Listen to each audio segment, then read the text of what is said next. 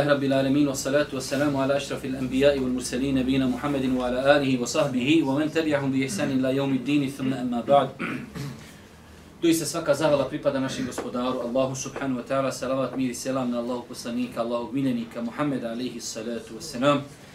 Njegovu časnu porodcu, njegovu uzvrte asabe, sve ljude koji slijede put istine sudnjega dana. Braću moja draga, evo nakon jedne kraći ili duži pauze, ponovo se vraćamo u naš projekat Čitaoni. Večera se družimo sa hadisom 37. Jedan interesantan i lijep hadis uh, od Ibn Abbas radijallahu ta'ala se prenosi da Allah poslanik alaih salatu wasalam prenio od svoga gospodara Allaha subhanahu wa ta'ala da je rekao. Čuvo je hadis kudusi, imali smo do sad već nekoliko hadisa koje, uzviš, koji koje Allah poslanik prenosi od svoga gospodara, u osnovi to bi trebala da bude da bude to Kur'an. Ali znači određene znači stvari su nazvane hadis el kudusi da Allah poslanik određene stvari pripisuje svome gospodaru Allahu subhanu wa ta'ala, a nije to Kur'an. Tako sodno to mi e, ove hadise nije dozvoljeno učiti u namazu jer su oni hadisi znači nisu to e, kuranski ajeti. Pa kaže Allahu poslanik da je rekao uzvišeni Allah subhanahu wa ta'ala doista je Allah zapisao dobro i zlo. Doista je Allah zapisao dobro i zlo. Kažu islamski učenjaci, ovdje se misli zapisao, zapisao šta će se desiti u životu ljudi od dobra i od zla. I to je zapisano svima nama poznato u knjizi koja se zove Levhi Mahfuz, A isto tako Allah je taj koji zapisao, jer ovdje ovaj termin na arapskom Inna Allahe ketebel hasenati wa ovaj glagol ketebe, on se prvenstveno odnosi na ketebe zapisati, napisati, ali može se koristiti u kontekstu propisati. Može se koristiti i u nekim drugim kontekstima, pa kaže Allahu poslanik da je rekao uzvišeni Allah, doista je Allah zapisao dobro i zlo, zapisao je šta će se desiti, i odredio je kako se, naređu, kako se nagrađuje dobro, a kako se na, na, nagrađuje zlo. Pa kaže Allahu poslanik ali se ratu wasalam, i on je to i pojasnio, objasnio. Ko naumi da uradi dobro djelo, pa ga ne uradi, Allah mu kod sebe upiše potpuno dobro djelo. Allahu akbar, ovaj hadis je inače, vidjet ćete večeras, jedna velika blagodat uzvišenog Allaha subhanahu wa ta'ala prema ovom ummetu. Kaže Allah, Allahu poslanik, da je rekao uzvišeni Allah, ko naumi da uradi dobro djelo, pa ga ne uradi, pa ga ne uradi, Allah mu, pro, Allah mu upiše dobro djelo. Ovdje kažu islamski učenjaci da se misli na situaciju kada čovjek zaista odluči da uradi dobro djelo i nešto ga spriječi. Ne ono samo, znate neka čovjek razmišlja, mogu sam uraditi neko dobro djelo i to samo proleti kroz mozak i ništa. Ne. Primjer radi vidio si pred svojom zgradom siromaha, traži novac, prosi. I ti nemaš novac, kaj idem u kuću da uzmem novac, da bi dao. Ti odeš dok ti dođeš, njega nema. Tebi se upisuje dobro djelo. Jer si ti poduzeo sve da to uradiš, ali nisi uradio. Pa prvenstveno se znači ovaj hadis odnosi, ali opet je to velika stvar. Ti si otišao u kuću, vratio se novčanik i dalje pun novca, a tebi upisano da si uradio dobro djelo. Ili primjer radi, čovjek hoće da ide na hađ, upisao se i umeđu vremenu se razboli, ne može putovat, njemu se upisuje da je bio na hađu nagrada. Znači, kada čovjek zaista odluči da uradi dobro dijelo i bude ispriječen, nije do njega, upisuje mu se dobro dijelo. I to, kao što je došlo, znači, upisuje mu se potpuno dobro dijelo. I to baš je rečeno, Allah mu kod sebe upiše potpuno dobro dijelo. Pogledajte koliki je to podstrijek na dobra djela. Allah mu kod sebe upiše potpuno dobro djelo. Moglo je da bude Allah mu upiše dobro djelo. Ne. Allah mu kod sebe upiše potpuno dobro djelo. I pogledajte kako je Islam plemenit, kako je savršen, da čak podstiče ljude da pozitivno razmišljaju. Razmišljaš od da bi volio da radiš dobra djela. Nakon toga nastavlja se Ako ko naumi da uradi dobro i uradi ga, Allah mu kod sebe upiše nagradu od 10 do 700 puta ili još mnogo veću. Ovo je situacija da čovjek želi da uradi dobro djelo, pa ga uradi. Ova prva je bila, želi da uradi dobro djelo i ne uradi ga, spriječen je. Upiše mu se dobro djelo. Jedno. Druga je situacija, čovjek želi da uradi dobro djelo i uradi ga. U islamu minimalno, kao što je došlo i u hadisma i kuranskim ajtima, minimalno za dobro djelo se dobiva desetorostupno. Ti uradiš jedno, upisuje se deset. Do sedamstotina puta i viši. Kažu islamski učinjaci da je mnogo faktora koji ovdje utječu na razliku. Zašto? Od 10 do 700. Pa kažu, najviše šta utječe jeste ihlas iskrenost. Nekome će uradi dobro djelo upisano biti 20 puta, a nekome i 700, a nekome i viši. Šta je razlika? Razlika je vrijeme. Raditi dobra djela u Zulhidžetu, u Ramazanu je drugačiji nego raditi mimo toga. Nekada je e, povećanje dobrih djela vezano za mjesto. U Mekki, Medini, nije isto urati dobro djelo i urati ga iza Meki i Medini. Nekada je djelo vezano za pojedinca, a nekada je opet vezano, znači, za ihlas i to je najveći parametar zbog čega se razlikuju razlikuju deređe u učinjenja dobrih dijela. A onaj ko radi dobro dijelo, minimalno će mu biti upisano desetorostruko. Do sedamstotina puta ti dadniš marku, možete biti kod Allaha upisano sedamsto maraka i više. Pa kaže, nastavlja Allahu poslanik alaihi salatu wasalam, pripisujući ove riječi uzvišenom Allahu, znači nakon što smo riješili dobra djela, imamo dobra djela da smo htjeli da je uradimo, pa i ne uradimo, spriječeni smo, imamo dobri, imamo seva. Želimo da uradimo dobro djelo, pa ga uradimo, desetorostruko do sedamstotina puta ili više. Idemo na drugu verziju. Ko naumi da uradi loše djelo, pa ga ne uradi, Allah mu kod sebe upiše potpuno dobro djelo. Allahu ekber.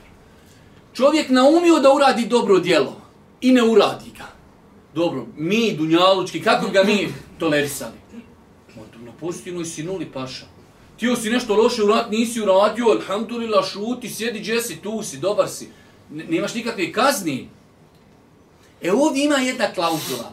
Nije spomenuto u ovom hadisu, ali je spomenuto u drugim predajama, a to je ko ostavi taj grijeh radi Allaha. Morat ćemo na primjeru pojasniti. Čovjek, ne daj Bože, odluči da uradi neki grijeh i na putu da uradi taj grijeh, kad kažemo na putu, u toku činjenja toga, sjeti se kazni, sjeti se nekog dersa, kuranskog ajeta, sjeti se nečega i ostavi to. Ima zato sevap. Ali kada bi se desilo da on poduzme faktore da uradi grijeh, ali ne može. Primjera radi, čovjek odluči idem da, ne daj Bože, obijem banku. I on dole dođe, vrti, vrti, vrti, vrti, on vrti, ne mre odključati, postavio se on bolji katanac s što je on planirao. I on se vrati kući. Grije paša. Znači da kaže, elhamdulillah, ne obi banku, elhamdulillah, dobro je sevap za rad. Ne, neš, paša, ono, neš. Kaj i to ima hadis u Buhari, hadis je u Buhari, ko tjedni u radi ne uradio, ali nisam, elhamdulillah, uradio, ali si paša poduzeo sve. Na osnovu čega ova klauzula ide? Na osnovu onog hadisa koji također je udostan, kaže Boži poslanik alaih salatu wasalam, kada se sretnu dva muslimana sa sabljama. Kaže, ovo dvojica će u vatru. Kažu, a sabi Allah, poslije dobro ubica, znamo što će ubica, ubio čovjek, ali što ubijeni?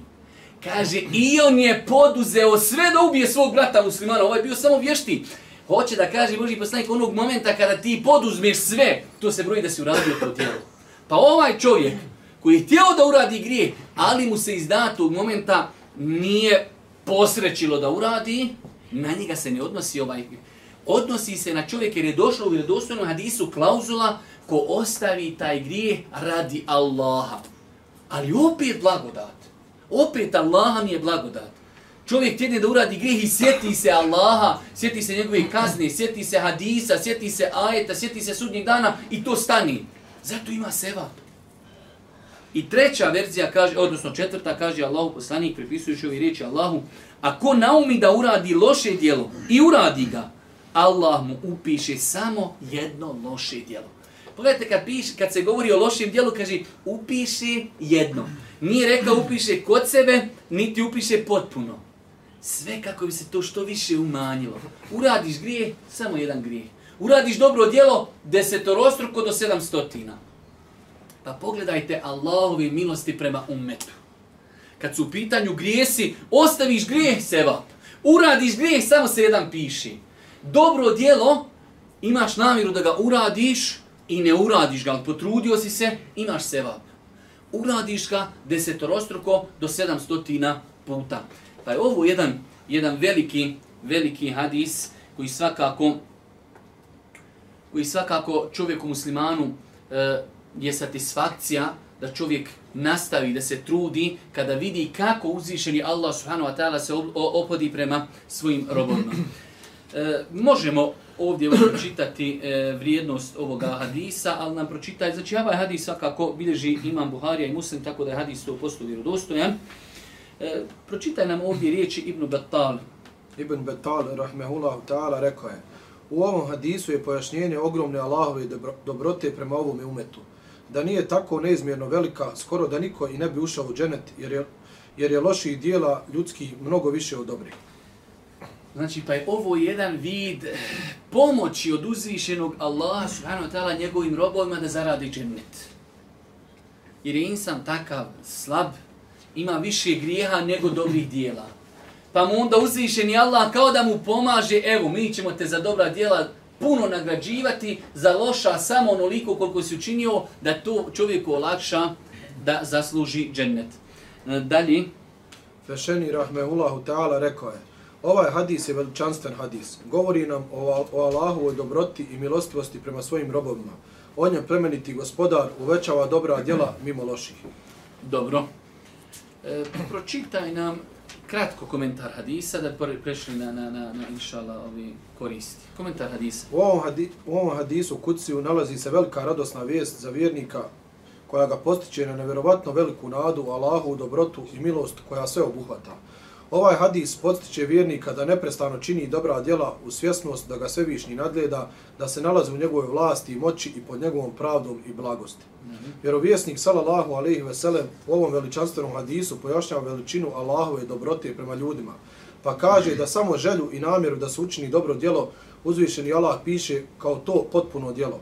A ako ga još i učini, onda mu većava to djelo od 10 do 700 puta pa i više dok namjeru da se učini loše djelo ukoliko se od nje odustane radi Allaha, on uzvišeni piše kao dobro, potpuno djelo, a ako tu namjeru za lošim djelom čovjek isprovede u djelo, tada mu uzvišeni Allah ne umnogostručuje to loše djelo kao što to čini s dobrim djelima, već mu samo piše jedno loše djelo.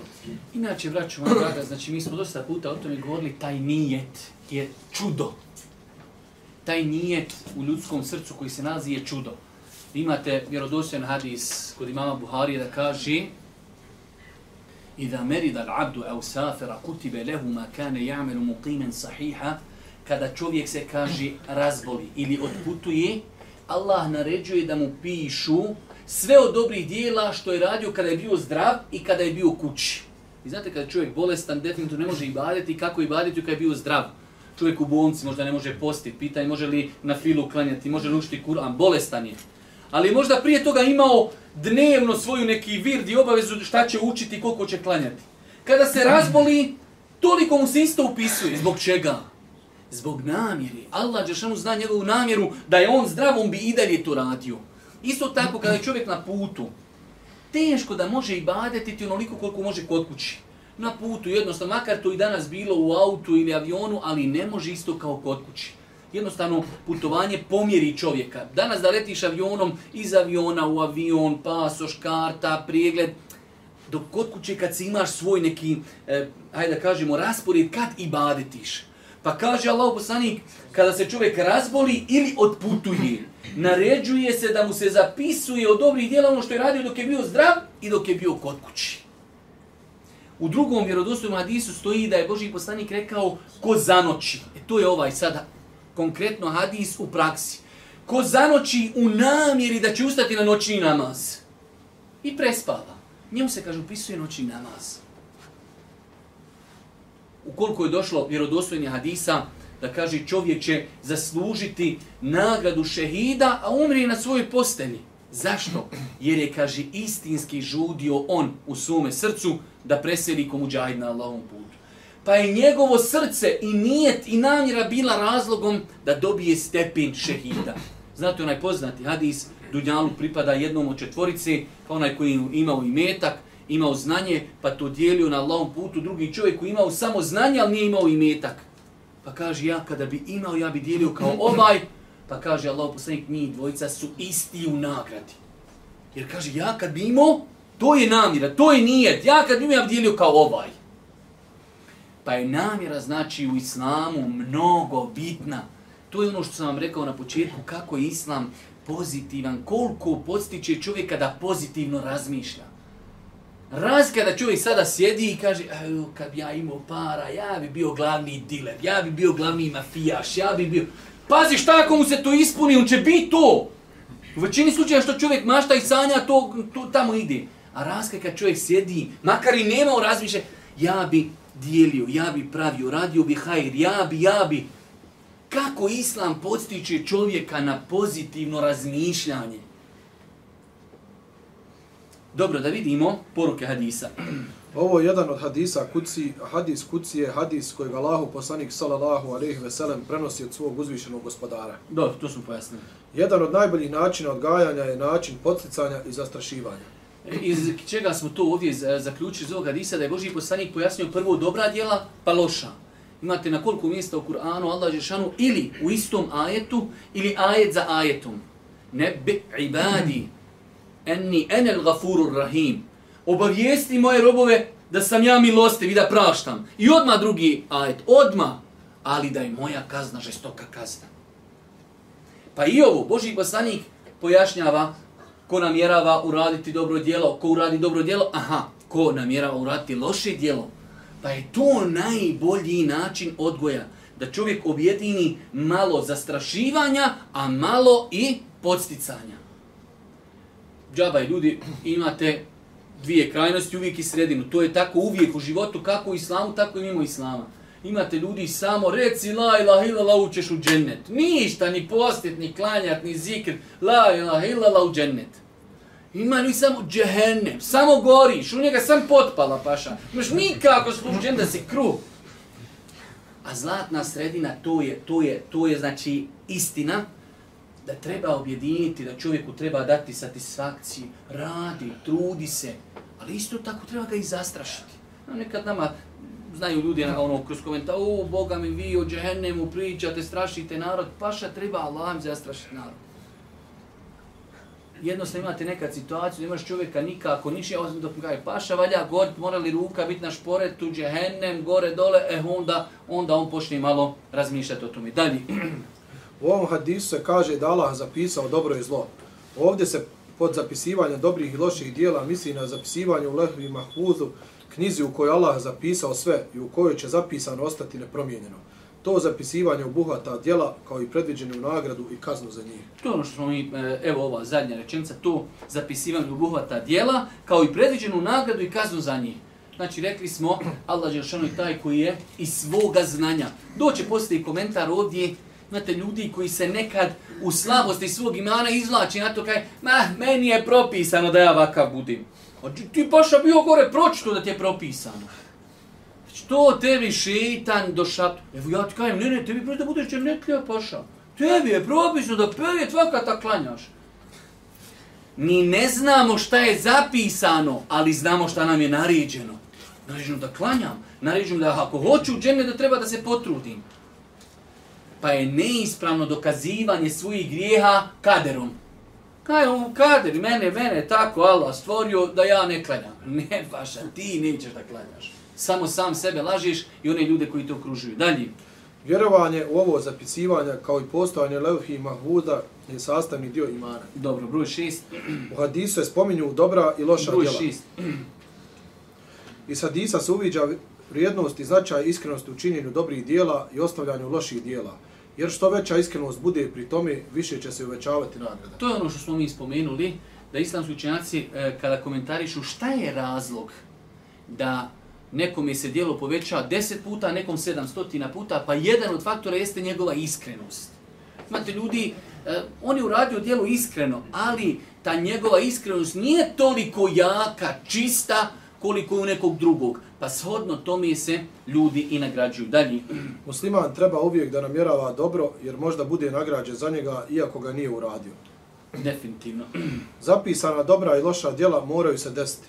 S tim da to nije opravdanje za griješnika. On ne zna šta mu je zapisano, a s druge strane zna šta mu je naređeno. Zapisana dobra i loša djela moraju se desiti. U kontekstu. Velik broj ljudi ima problem sa ovim pitanjima. Uzvišeni Allah je zapisao nešto što je znao da će se desiti. A ne da ti to moraš, ti nisi, ti nisi robot. Evo danas staniš na, na, na raskrsnicu i tamo je džamija, vamo je birtija. Niko tebi, osim što te šeta malo pokušaje pogurat vam u birtiju, niko te nije uzeo i rekao moraš u birtiju ili moraš u džamiju. Imaš slobodnu volju. Odnosno, po kojoj logici bi onda čovjek odgovarao na sudnjem danu ako ja nisam imao slobodnu volju? Meni je naređeno da idem u kafanu i onda e sad što si bio u kafani, sad ćeš u džehennem. Nelogično. Allah Đelšanu je daleko od toga da čovjeka stvori, da ga nešto učini obaveznim da radi grije i onda da za taj grije polaži, polaži račune. Pa in, a, uzvišenje Allah stvorio čovjeka da ima slobodnu volju. Ko od vas hoće kaže da vjeruje, ko hoće da ne vjeruje. Ali svako će biti nagrađen sodno onome što je radio. Tako da znači zapisana su dobra i loša djela, ona se moraju desiti, s tim da to nije opravdanje za griješnika. Rekli smo, kada griješnik griješi i kaže to je meni po kaderu. To je to, mi smo čak dok smo na fakultetu bili pa onaj pa smo obrađivali ta pitanja detaljno. Između ostalog, kad bi čovjek smio, nemojte se igrati sa tim, ali najbolje je takvom čovjeku udar tada šamar. Ko smije, pazite. Tam kaj, ovo je bila paša po kaderu. Ja nisam mogao da si ga zvizni. Morao sam te zvizniti jer nemoj se ljuti. Ti znaš da je to po kaderu. Ko što ti ne klanjaš po kaderu i ja sam ti morao zvizni šamar. Nemoj da se ljutiš, paša. Sad će, još, sad će te kader još jednom. Pa opet. O ja kadera što te kader ubi čoveče. Klanjaš li? Klanjaću. Znači, neispravno je pravdati kaderom svoje grijehe. Zato što niko nije vidio. A to što je to Allah zapisao, zapisao je iz svog savršenog znanja da zna šta će se desiti. Dalje. Hadis potvrđuje Allahove radnje jer se kaže zapisao. Definitivno. 11. Hadis ukazuje na lijepo pojašnjenje nakon sažetka. Inače, to je jedno veliko pravilo, hajde da kažem kao metod podučavanja. Vidjeli ste na početku hadisa, kaže Allah je zapisao dobra i loša djela, a, po, a to je po, potim, zatim je tu pojasnio. Pa je i propisano i nama, inače, kad čovjek nešto podučava da ljudima kaže srž, a nakon toga da to pojasni. Vidjeli ste, na primjer, u onom hadisu, kaže Boži poslanik, sedam je osoba koji će biti u vladu Arša. Prvo ti dadne broj, da ti znaš da je sedam broj. I onda ti pojašnjava taj, taj, taj, taj, taj. Pa je to znači jedan lijep način podučavanja da čovjek prvo spomeni srž, a nakon toga to defini, definiši i pojasni. Dalje. Hadis prejasno govori o Allahove velikoj milosti i dobroti, kao što je došlo u hadisu. Ko naumi da uraži, uradi loše djelo, pa ga ne uradi, Allah mu kod se upiše potpuno dobro djelo. Pa rekli smo da se ovdje misli veoma je bitno kako, pazite šta znači znanje, šta znači ilm, šta znači ulema, šta znači savrat rivajete. Ovaj hadis je došao kod imama Buhari i muslima ovako, ali u samom Buhari imaju drugi rivajeti koji nekad pojašnjavaju određene hadise. Pa u ovom hadisu, znači, nije spomenuto, ali kada sakupimo sve hadise, kao što je uradio uh, jedan od učenjaka komentaršući uh, e, 40 hadisa imama Nevevija, pa je sakupio te sve rivijate i onda vidite da kaže u jednom rivajetu ko ostavi loše dijelo i straha prema Allahu. Pa onda smo shvatili da ako bi čovjek to, jer ova vanština odnosi se na onoga koji je ošao da obije banku i nije obio, vratio se kući. Ali kada imamo ovu klauzulu koja je spomenuta u drugom hadisu, zato je bitno, braćo moja draga, slušati, čitati, gledati šta je Ulema rekla. E, dosta puta u umetu su nastali problemi kada ljudi uzmu jedan hadis i kaže evo hadis. Dobro, nemoguće je u islamu da jedan hadis bude vjera. Moramo vidjeti kontekst, moramo vidjeti druge hadise. Pa znači, veoma je bitno u ovom momentu dodati ovdje klauzulu ko naumi da uradi loše dijelo pa ga ne uradi, ne uradi ga iz straha prema Allahu. nešto je bio spriječen. Allah će mu pisati dobro djelo. Dalje. U hadisu se ogleda je Allahova pravednost. Jedna kazna za jedno učinjeno loše djelo, kao što se ogleda je Allahova dobrota, dobra djela se uvećavaju. Allahova pravednost apsolutna. Uradio si grije, jedan, znači uradio si loše djelo, jedan grih. Uradio si dobro, Allahova milost da ti se desetorostruko upisuje sevap. Pa pravednost je za grije jedan jedan. A kad su u pitanju dobra djela, Allah Žešan nagrađuje više. Ko što je za, dje, za džehennem, helim teleti, o tekulu helmin mezid. Allah Žešan kaže džehennemu, jesu li se nab... ima li još? Hoće li Allah stvoriti ljude za džehennem koji nisu ništa roše radili? Ne. Allah subhanahu wa ta'ala će svojom nogom stati na, na džehennem, pa će se zaustati. Ne, ne treba mu više. Za džennet, kada u džennet ostane praznog prostora, za džennet će stvoriti ljude koji ni... Evo. Pa kad je u pitanju za džennet, hajde, ovi koji nisu ništa radili bujrum, ali u džennem niko neće otići bez pravedno.